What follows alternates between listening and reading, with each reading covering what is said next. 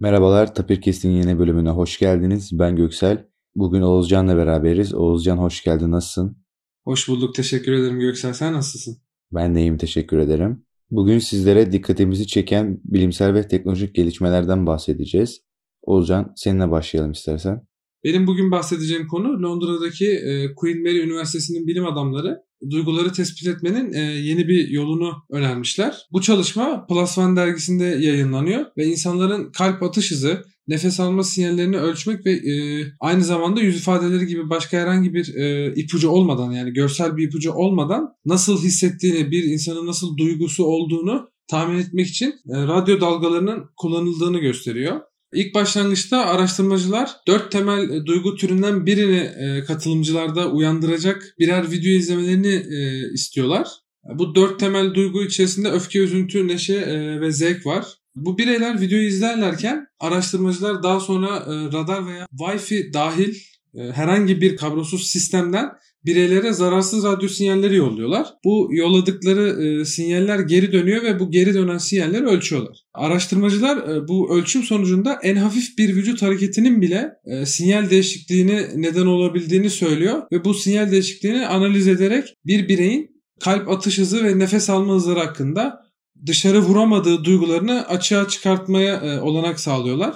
Bundan önceki araştırmalarda da e, benzer e, yöntemler kullanılmış, kablosuz duygu algılama yöntemleri. Fakat bu çalışmalardaki veri analizleri e, daha çok klasik makine öğrenimindeki gözetimli öğrenme, gözetimsiz öğrenme ve pekiştirmeli öğrenme yaklaşımlarının kullanımına dayanıyor.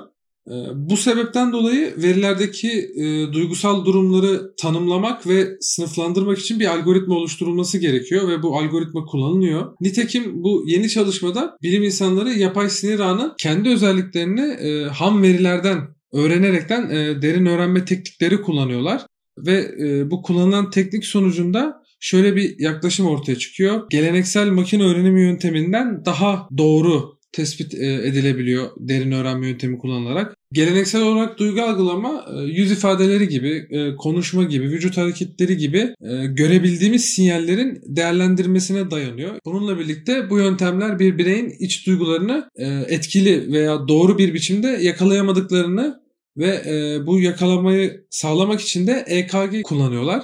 Bu sinyallere daha çok güveniyorlar. EKG sinyalleri kalpteki elektriksel aktiviteyi tespit ediyor ve bu tespit ettikten sonra sinir sistemi ile e, kalp atışı arasındaki, kalp ritmi arasındaki bir e, bağlantı sağlıyor.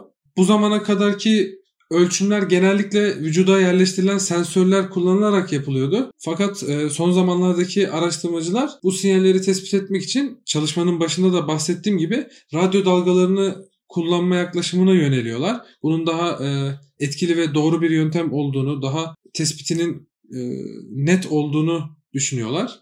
Ee, şimdiki e, amaçları ise bu bilim insanlarının bir ofis veya e, çalışma ortamındaki çoklu sayıdaki insanların duygularını tespit etmek ve bunu e, ellerinden geldiğince düşük maliyetle tespit etmek istiyorlar. Bunun için de Wi-Fi yönlendiriciler kullanmayı düşünüyorlar ve bu Wi-Fi yönlendiricileri nasıl kullanabileceğini araştırıyorlar. Bu yeni araştırmadaki asıl amaç çalışma ortamındaki veya e, ofis ortamındaki rutin aktivitelerini gerçekleştirirken nasıl bir duygu içerisinde olduklarını ve bunları bireysel olarak sınıflandırmak amaçlanıyor.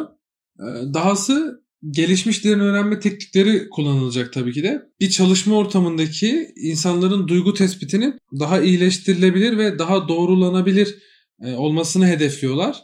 Bu yeni çalışmanın amacı ve hedefi bu şekilde. Bu e, Londra'daki Queen Mary Üniversitesi'ndeki bir öğrenci ve bir bilim adamı şunları söylemişler. Kablosuz sistemler kullanarak duyguları tespit edebilmek e, gelecekteki akıllı evlere uygulanabilir olduğunu düşünüyorlar. Yani e, e, bu da tabii e, bir ilgi konusu oluyor ve bu çalışmalarda duyguları tespit etmek e, ve kullanılan derin öğrenme tekniklerinin sonuçlarının doğruluğunu arttırabilmek için temel olarak e, radyo dalgalarını kullanıyorlar.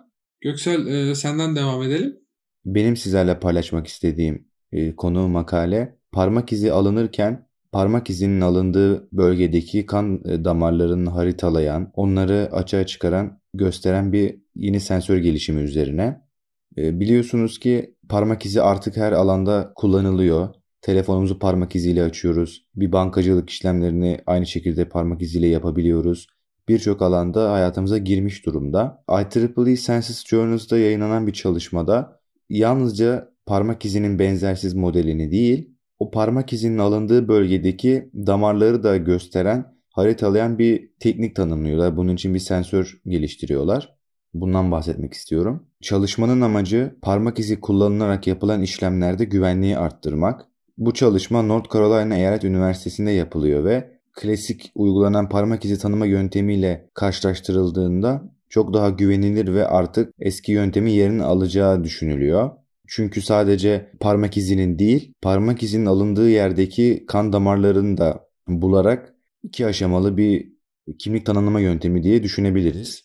Parmak izinin alındığı bölgedeki damarları bulabilmek için yüksek frekanslı ses dalgası kullanıyorlar. Sisteme bir parmak e, yerleştirildiğinde, parmak izi alınmaya başlandığında bir basınç sensörünün tetikleniyor ve yüksek frekanslı bu ses dalgaları yayılmaya başlıyor. Gönderilen ses dalgasıyla parmağımıza, damara çarpan ses dalgasının geri dönüşüne bakılıyor ve bu ikisi karşılaştırılıyor. Deneyde başarılı olabilmek için insan dokusuna, kendi parmağımıza çok benzer bir yapay parmak oluşturuyorlar. Bu yapay parmağın içine de e, büyükbaş hayvandan alınan kan ekleniyor ve insan dokusuna çok benzer bir parmak oluşturuyorlar. Bu yapay parmak üzerinde yapılan çalışma ile de hem parmak izini hem de oradaki kan damarlarını elektronik olarak görüntüleyebilmişler. E, parmağımıza çok yakından baktığımız zaman düz bir şekil değil, e, girintili çıkıntılı bir şekil görmekteyiz. Bunu daha iyi anlatabilmek adına şöyle düşünelim. Suda çok uzun süre elimizi, parmağımızı beklettiğimiz zaman buruşuyoruz değil mi? Böyle bir girintili çıkıntılı bir şekil elde ediyoruz. Tam buna benzer bir yapı var şu an parmağımızda. Bu girintili çıkıntılı yapıdan dolayı da iki farklı başarım oranı elde etmişler. Çıkıntılı olan kısım hani o buruşukluğun yukarı bölgesi olarak diyelim.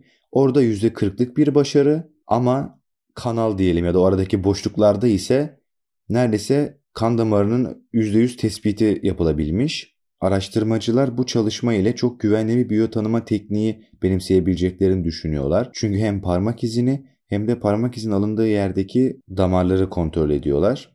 Bu görüntünün elde edebilmesi için ilk önce tek bir parmak izi sensörü kullanılıyor. Fakat bu süre çok uzun. 1 saat veya daha fazla sürebiliyormuş. Bu yüzden de birden fazla ultrasonik parmak izi kullanarak tek sensöre kıyasla performans iyileşmesi amaçlıyorlar.